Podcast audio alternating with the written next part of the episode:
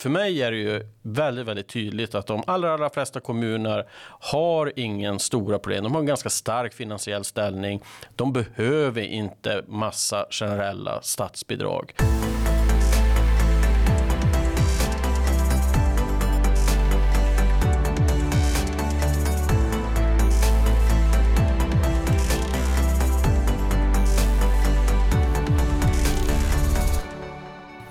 Sven-Olof Danfelt är chefekonom på Svenskt Näringsliv som nu släpper en rapport om kommuners och regioners avsättningar till resultatutjämningsreserven.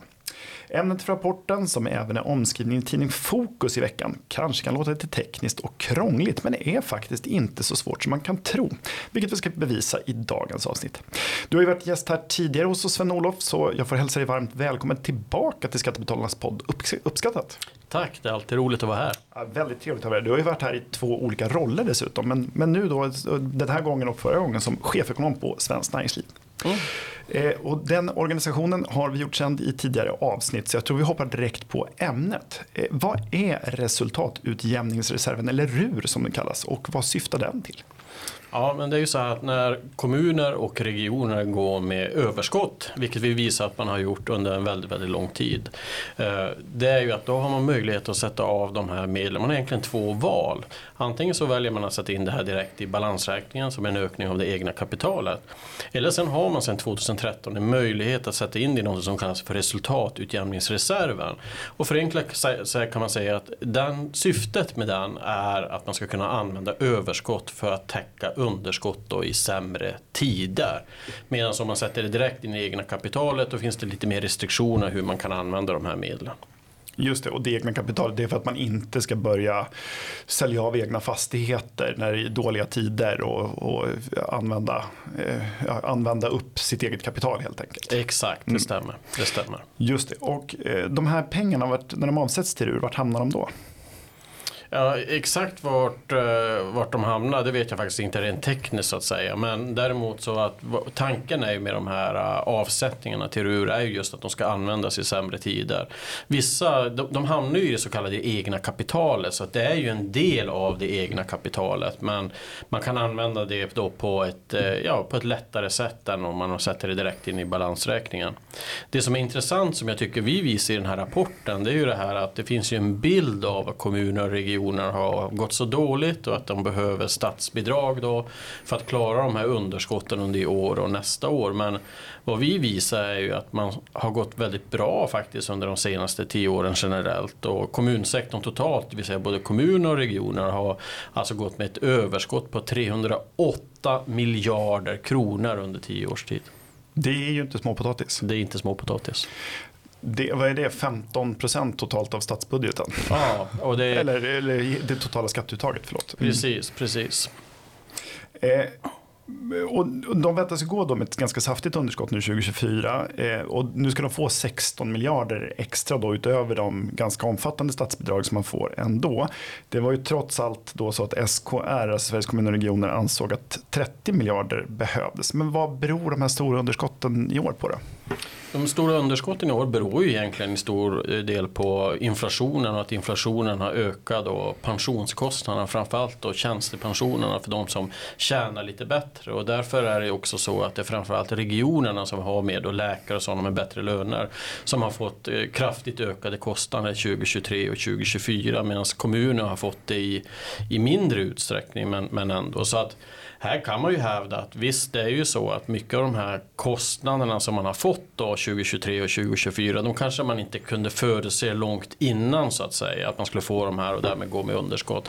Men helt klart är det ju att 2022 visste man ju om det här. Men man avsatte ändå inte tillräckligt med medel i den här resultatutjämningsreserven för att täcka underskott. Och vi visar ju att det är, vad vi kan se, det är ju systematiskt så sätter man ju av väldigt lite pengar i den här resultatutjämningsreserven. Och varför, varför avsätter man inte mer pengar? Borde man inte vilja liksom spara lite i ladorna till, till sämre tider? Ja, nu är det ju en tolkningsfråga för att det går ju aldrig att veta exakt hur alla kommuner och regioner tänker. Vi kan ju egentligen i den här rapporten bara konstatera att man har satt av alldeles för lite i resultatutjämningsreserven. Hade man sagt, vi, det vi har kunnat göra som jag tycker är lite unikt i den här rapporten är ju att det står ju i kommunallagen hur mycket man får avsätta i resultatutjämningsreserven. Så det är väldigt tydligt. Så vad vi har gjort är att vi helt enkelt har räknat, av, räknat, räknat igenom och räknat på vad kan en kommun och en region maximalt avsätta i resultatutjämningsreserven varje år. Och sen har vi jämfört det med vad man faktiskt har avsatt i resultatutjämningsreserven. Och då ser man att till exempel för kommuner så skulle de alltså under den senaste tioårsperioden ha kunnat avsätta enligt kommunallagen 108 miljarder kronor mer i resultatutjämningsreserven. Och med tanke på att man inte går med något underskott i år, man går tvärtom emot med överskott på eh, 9 miljarder tror jag det är.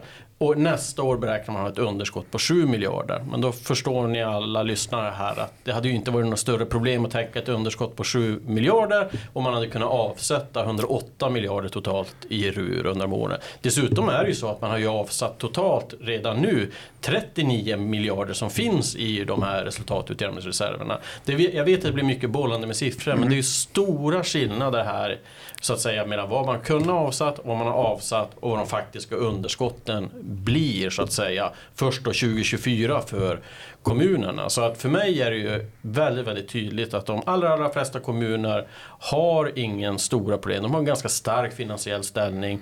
De behöver inte massa generella statsbidrag. Eh, och då är ju frågan som du ställer här, men varför varför har man gjort så här då? Varför har man lagt in det i, i, i sitt egna alltså i balansräkningen genom en ökning av det egna kapitalet istället för RUR. Eh, ja, en möjlig tolkning som jag tror att det kan ligga mycket i är att man vet att om man lägger det i, så att säga, direkt i balansräkningen då är det lättare att gå till staten sen och så att säga kräva mer pengar. För de pengarna är lite mer, man kan inte använda dem lite grann hur som helst. Utan ruren är till för att täcka de här underskotten. Och klart, hade man haft stora avsättningar i RUR då hade det varit svårare att hävda till statsmakten att vi behöver mer pengar. När man har stora avsättningar där. Så jag tror att det ligger lite grann, så jag tror egentligen att vad vi har pekat på här är ju ett system i grunden som behöver ses över. Vi har alltså ett statligt system för finansiering av kommuner och regioner som är otroligt ineffektivt och som inte leder till att kommuner och regioner effektiviserar sin verksamhet utan det snarare ger incitament att skrika på mer pengar i så att säga varje statsbudget, i varje ny höstbudget. Ja, och det, det, gör man ju oavsett hur tiderna är, om, vare sig de är goda eller dåliga, så Stämmer. kommer ju SKR ut och säger att nu väntar skattehöjningar om vi inte får kraftigt höjda statsbidrag. Det säger de ju även i goda tider. Ja, och där kan vi också tillägga att de har systematiskt, systematiskt predikterat större underskott än vad det faktiskt har blivit i tio års tid. I, i tio års tid. Ja. Eh, det är först när vi ska komma in på, på effektiviseringsmöjligheterna sen. De har vi pratat om tidigare i podden men jag tycker mm. att de är värda att återkomma till. Men, eh, Stockholms stad kan man ta som exempel. Där går man nu fram med en höjning av kommunalskatten på 24 öre då per hundralapp. Eh, hur många gånger har man nyttjat möjligheten att avsätta pengar till RUR i Stockholms stad sedan möjligheten infördes? Noll. Noll gånger. Så man har, man har gått med överskott och nu måste man då höja skatten. Ja. ja.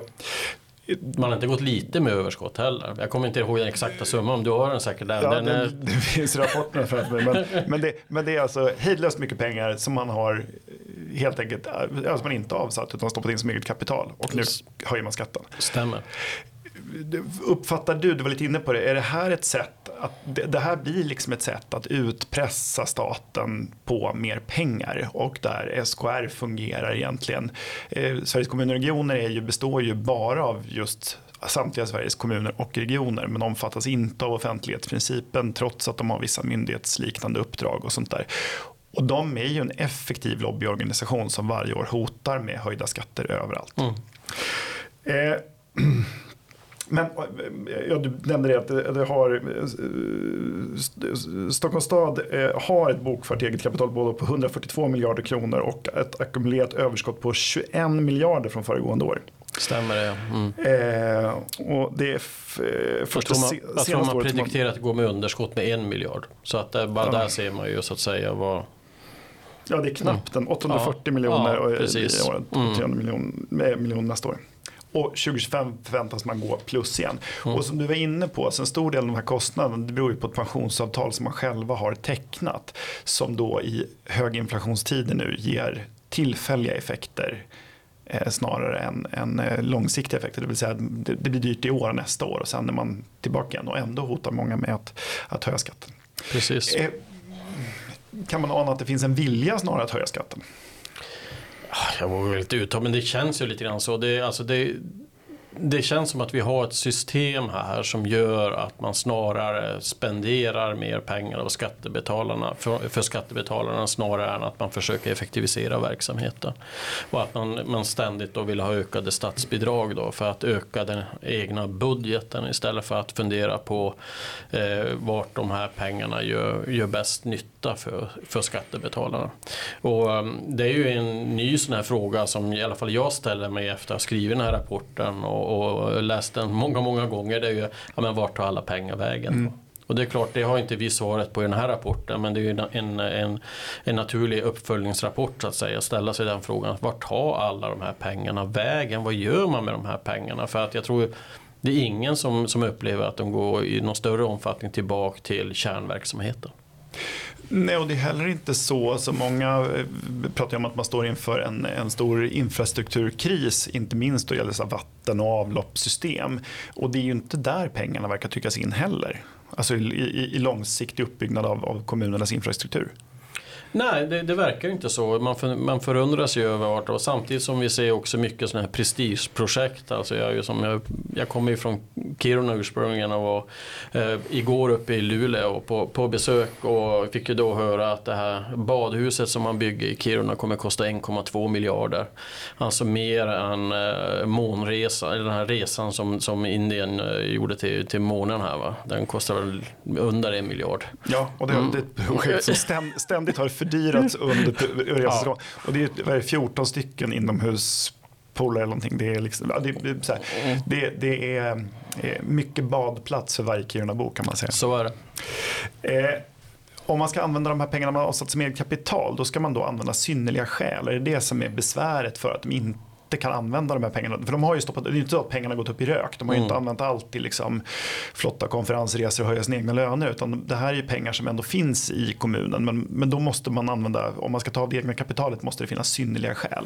Precis, och man måste ha en stark finansiell ställning. Och det här är ju naturligtvis då måste man ju fråga sig vad det, vad det då innebär. Och, eh, här är ju många då, här är det ju en tolkningsfråga vad som är synnerliga skäl och vad som är stark finansiell ställning. Då. Det finns ju lite skrivningar om det men det är mångt och mycket en tolkningsfråga. Vi kan konstatera att till exempel Region Stockholm använder sig ändå av synnerliga skäl för eh, att, att ta en del från det egna kapitalet i år. De tar däremot ingenting från sin resultatutjämningsreserv, vilket är märkligt.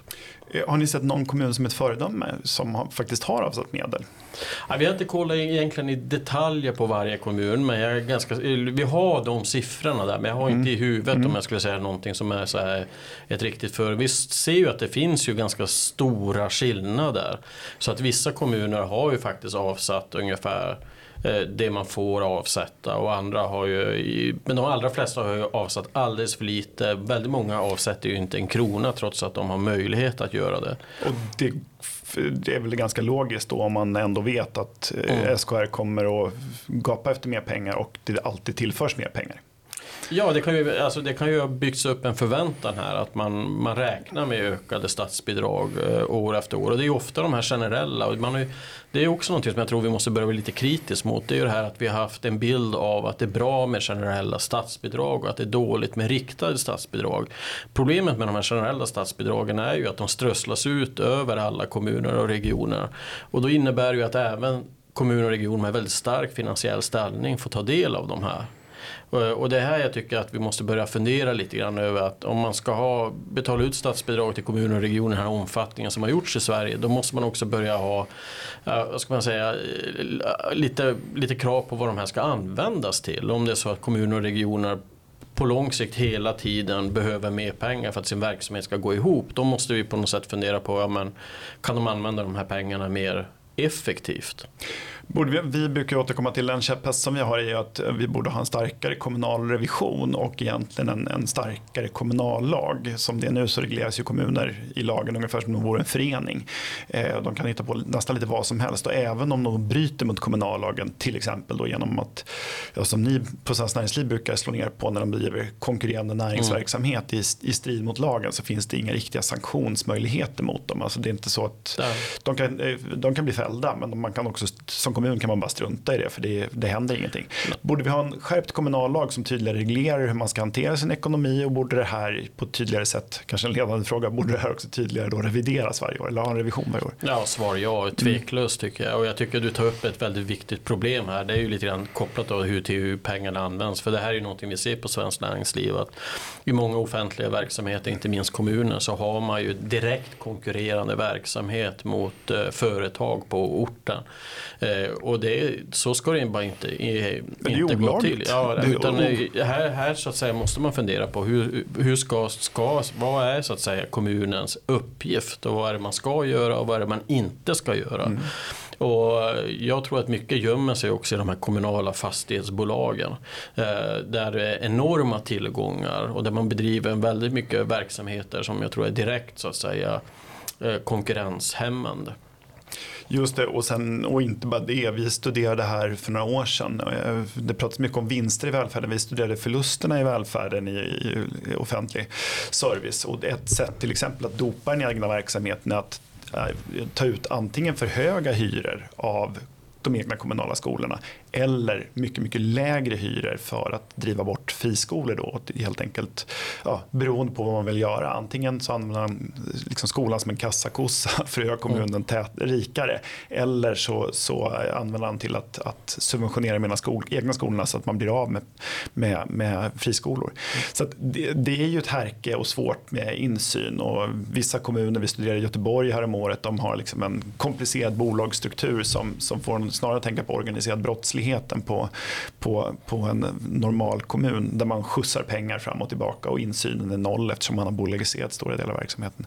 Så här ska man verkligen behöva en, en ett, ett rejält omtag om hur kommuner regleras. Eh, Svenskt Näringsliv har ju tittat på, precis som vi, på hur effektiva kommuner är att sköta sin kärnverksamhet. Ni har tittat på lite fler områden. Vi har, vi har spetsat till då och tittat bara på eh, förskola, grundskola, gymnasieskola och äldreomsorg. Och ni tittar på lite mer. Ni har kommit fram till 40 miljarder. Ni tittar på fler områden och vi har kommit fram till att det finns 30 miljarder att spara i alla kommuner. Varför sker inte de här effektiviseringarna tror du? Nej, jag, tror att det är, alltså jag tror att det är helt relaterat till det som vi tittar på i den här rapporten. Alltså, man måste först fundera på hur staten finansierar kommunsektorn, det vill säga kommuner och regioner, innan man ens ska börja prata om effektivisering. För det som vi, den här rapporten pekar på är ju att det finns ju ingen behov av att bedriva en effektiviseringsverksamhet. Man får ju pengar ändå. Mm. Och då finns det som inget behov. Då kan man prata om att det är viktigt med effektivisering och det gör man gärna. Men man gör väldigt lite.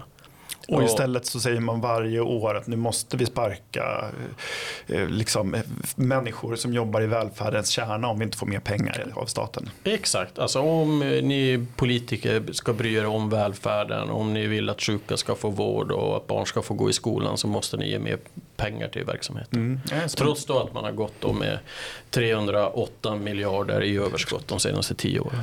Ja, det, är det är ungefär som att man skulle ge sin tonåring en, en, en, ordent, en väl tilltagen månadspeng och sen säger de att de inte har råd att äta för att de har köpt liksom, godis och gympadojor för pengarna. Ja, och i det här fallet också, alltså, för det som också har hänt är ju att de här, deras finansiella ställning har ju stärkts. Mm. Alltså soliditeten har ju ökat kraftigt i många kommuner, eh, framförallt i kommuner men även i vissa regioner. Och det, det är ju det här som också är problem, det är inte bara det att man använder alla pengar utan man lägger också det på hög så att säga. Mm. Och stärk, det är, jag tycker det kan vara bra att vi har, har kommuner och regioner med en stark finansiell ställning så att säga. Men då ska de ju inte samtidigt gå ut och kräva pengar från skattebetalarna i varje höstbudget. Och problemet som jag har ju med det här är att det finns ju en alternativkostnad med att pengar hela tiden går till kommuner och regioner. I höstens budget gick 40% av reformutrymmet till kommuner och regioner. Och vi hade ju behövt det här för andra reformer. Vi har ju ett stort behov av reformer i Sverige för att för att så att säga eh, påskynda elektrifieringen av samhället, bygga upp vår infrastruktur som är helt eftersatt, försöka få eh, öka drivkrafterna för folk att arbeta, anstränga sig. Det finns ju så mycket som vi hade kunnat göra som skapar tillväxt, som i sin tur egentligen är det som kommuner och regioner behöver. Får de fler som kan gå till arbete och som tjänar bättre, ja då skulle de också få högre skatteintäkter. Så allt det här hänger ihop. Så det är väldigt, väldigt olyckligt här att i varje budget budget i princip så ger man mer pengar till kommuner och regioner. Och vi har ju visat här att i de allra, allra flesta fall så är det inte nödvändigt. Sen så ska vi komma ihåg att det finns kommuner och regioner med problem, så är det. Men det ska man ju belysa och så ska man fundera på varför har den här kommunen och den här regionen problem och vad kan man göra åt det. Mm. Nej, så är det ju. Och, och, risken är ju när de, eh, då, när de också, som i Stockholms fall, då höjer skatten så eh, vad heter det, ökar man ju marginalskatterna vilket gör att, allt, att, att fler kommer att jobba lite mindre. Mm. Och dessutom har ju mage att skylla på regeringen, att det är regeringens fel ja. att man höjer skatten, vilket också är, är, är väldigt märkligt. Utan det är precis som du säger, det beror på deras egna ingådda avtal som har tvingats att göra det här. Och man hade inte alls behövt höja skatten för att Stockholms stad är ju en av de absolut de kommuner som har den starkaste finansiella ställningen. De, har, de, det fanns inga, så att säga, eh, det här hade man klart kunnat undvika så att säga. Så mm. att det är ju rent politiskt att man gör det här. Spännande. Du nämnde, hur kommer ni följa upp den här rapporten? Ja, men vi kommer nog göra det på många, många, många olika sätt. Det första som vi kommer göra nu är nog att göra lite mer regionala nedslag. Eh, vi har lite sådana siffror i den här rapporten också men vi tänker gräva djupare i just det här skillnaden mellan olika kommuner och olika regioner. Eh, och sen så är nog ett annat steg är ju att börja titta lite djupare på vart alla de här pengarna har tagit vägen. Mm. Har de, om de inte går till kärnverksamheten, vart går de då?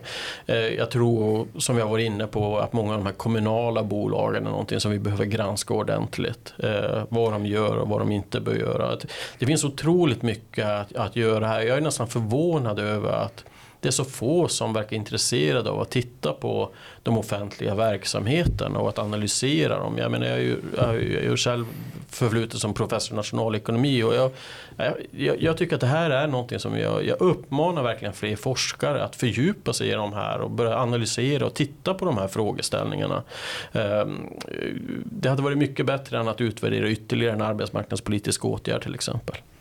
Ja, för det är ju inte bara så att kommunerna och regionerna står ungefär för hälften av skatteuttaget. Sen får de ju då ytterligare tillskott från statskassan som är flera hundra miljarder eh, varje år. Eh, och då har vi ju Riksrevision som tittar på den lite mindre statliga kakan och där de gör ganska bra eh, liksom, utvärderingar och kommer med förslag om man ska komma till rätta med problem och ineffektiviteter. Och sen är det ju så att alltså, rätt stor del av statskassan är ju sådana saker som, alltså man kan ju granska polisen som en verksamhet men en hel del är ju liksom, utbetalningar i socialförsäkringssystemen. Kommunernas verksamhet är ofta mycket mer komplex och mycket lättare att jämföra kommuner med varandra mm. än att försöka utvärdera statlig verksamhet verksamhet. Så här skulle det verkligen behövas ett häv. Mm. Eh, vi skulle verkligen behöva en oberoende revision och en en, en ny kommunallag. Mm. Ja, mycket intressant. Vi kommer att följa detta noggrant och naturligtvis också vad heter det, slå på trumman i den här frågan. För det här ligger oss varmt om hjärtat. Och mm. det, här var, det här var mycket värre än jag faktiskt trodde för bara en vecka sedan. Ja, det, det är nog samma sak här. Sen får man ju ändå tillägga att när det gäller om man jämför kommuner och regioner så har regioner större problem än, än kommuner. Så att jag skulle vilja säga att på, på när man tittar på regioner där kan det finnas större motiv så att säga att att, att de faktiskt behöver hjälp i större utsträckning än kommunerna. Eh, men där måste man ju också fundera på varför de har hamnat där, vart de har hamnat och vad man kan, kan göra åt det. Och där tror jag att vi behöver, är, är det någonting som verkligen behöver en genomgranskning när det gäller effektiviseringspotential så är det landets regioner. Kanske ännu, eller i högre utsträckning än landets kommuner. För att, alldeles övertygad om. Ja, för att det, där funkar det verkligen inte. Och, ja, vi ser ju att produktivitetsutvecklingen bland regionerna har ju gått ner de senaste åren i Sverige. Ja, och alla larmsiffror om hur mycket hur, alltså läkartätheten är, är fyra gånger högre än på 70-talet. De har liksom ändå färre tid med patient, mindre tid med patienterna. Ja, alltså vi har Sverige... vårdköer som ökar och vi har en digitalisering som inte fungerar. Man har olika system på olika regioner. Jag, jag tror vi måste börja prata en regionförstoring också. Jag tror att det är, det är alldeles för ineffektivt med 21 regioner utan vi måste nå ner till 4 till 6 ja. och börja utnyttja stordriftsfördelar och se till att, att eh, man kan få lika vård oberoende på vart i landet man bor. Mm. Nej, det är alldeles, nu, har vi bara, nu tittar vi på kommunerna specifikt mm. just nu men, men man, man ser när man tittar på regioner så behöver man bara ytligt skumma för att förstå att här är det ännu mycket värre. Det och skillnaderna är enorma mellan olika områden i olika regioner. Eh, så det, det, ser vi fram emot att ni, ni tittar på också. Det finns mycket att göra framöver helt enkelt. Absolut. Ja. Vad hoppas vi att regeringen kan göra? Borde de utreda den här frågan? Nej men absolut, det här behöver man utreda. Men jag uppfattar också att regeringen lyssnar här. Sen jag tror att man känner sig pressad att ge mer pengar till kommuner och regioner här eh, i, i den här budgeten. Det var ändå så att jag tyckte de gav lite mindre än vad jag faktiskt hade eh, trott att de kanske skulle ha gjort. Jag tycker fortfarande det var alldeles för mycket men jag uppfattar ändå som att man, man lyssnar på det här och att man är väldigt nyfiken på, på vårt arbete. Mm. Eh, och det är väl lite grann så här att det här är sånt som de flesta inte har känt till att det ligger till mm. så här utan det har satts en bild i Sverige av att kommuner och regioner har har det väldigt dåligt ställt och att man behöver de här statsbidragen för att våran välfärd ska fungera. Och det är det vi har som slagit hål på här. Att i de allra flesta fall och framförallt för kommunerna så, så stämmer inte den mm. verklighetsbeskrivningen. Och för de kommuner som har då specifika problem på grund av att de är utflyttningskommuner eller har andra problem mm. så skulle det kunna lösas i särskild ordning. Ja precis och där är det väl bra i så fall att man, man, man får tydligt sett att de här, de här kommunerna har problem och då återkommande problem år efter år. Eh, vi gör ju lite sådana här um, nedslag i den här rapporten där vi räknar på då att ja, men, hur många kommuner kommer att ha underskott då eh, 2023? Ja då tror vi räknar fram att det var eh, 156 kommuner, så det är ganska många som kommer att, att ha underskott. Men om de, hade an, om de hade satt av allt till RUR som de kunde ha satt av de här åren, då skulle det bara vara nio kommuner. Ja. Så det är en enorm skillnad. Så det, det, så att, och det är klart att det finns kommuner som återkommande har haft problem. Men, men då behöver man ju som sätta fokus på vad är problemet med, mm. med den här kommunen. Är, är det så att säga att det som du säger är att de har väldigt dåliga inkomstbaser, att man är en utflyttningskommun, att man har många sociala problem. Eh, eller att man är alldeles för liten. Mm. Alltså det, det, det, är ju, det är ju där det måste till. Då. Man måste till en analys och så måste det till åtgärder för att försöka reda ut de här problemen. Och inte generella lösningar som träffar alla. Nej, verkligen inte. Ja, intressant. Mycket intressant. Eh, jag nämnde att eh, artikeln finns i den här veckans fokus, men om man vill läsa hela rapporten, vilket jag varmt rekommenderar, vart hittar man den då? Den ska finnas nedladdad på Svenskt Näringslivs hemsida från i, i eftermiddag tror jag. Ja. Det är kanske till och med så att den är redan utlagd ja. här idag när vi ja. pratar här. Ja, och det, idag pratar vi, är det tisdag? Så det är tisdag, precis. Så, på, på onsdag morgon när det här avsnittet sänds då, då ska, då den, ska den finnas ute på vår hemsida och då kan man, då kan man läsa. Och det finns en, en, en sammanfattning där man behöver, om man inte vill gräva ner sig helt i rapporten. Det är väldigt, väldigt mycket siffror, ganska mycket statistik. Men bara genom att läsa sammanfattningen där på en sida så får man en ganska bra bild av vad rapporten handlar om. Verkligen. Ja, eh, stort tack och inte bara för att du kom hit utan också för rapporten för den är verkligen välbehövlig i dessa tider. Eh, stort tack och tack för att du gästade oss som sagt. Uppskattat, det är en podcast från Skattebetalarnas förening. Vi arbetar för låga och rättvisa skatter, rättssäkerhet för skattskyldiga och minskat slöseri med skattepengar. Vi bildar opinion och folkbildar i skattefrågan och vi lever som vi lär och tar bara emot frivilliga bidrag. Uppskattar du podden så kan du gärna ge oss ett gott betyg i en app och vill du medverka till att Sverige blir ett land med minskat slöseri och rimligare skatter så stödjer du oss enklast genom att bli medlem. Läs mer och bli medlem på www.skattebetalarna.se bli medlem. Till nästa vecka, ha det så bra.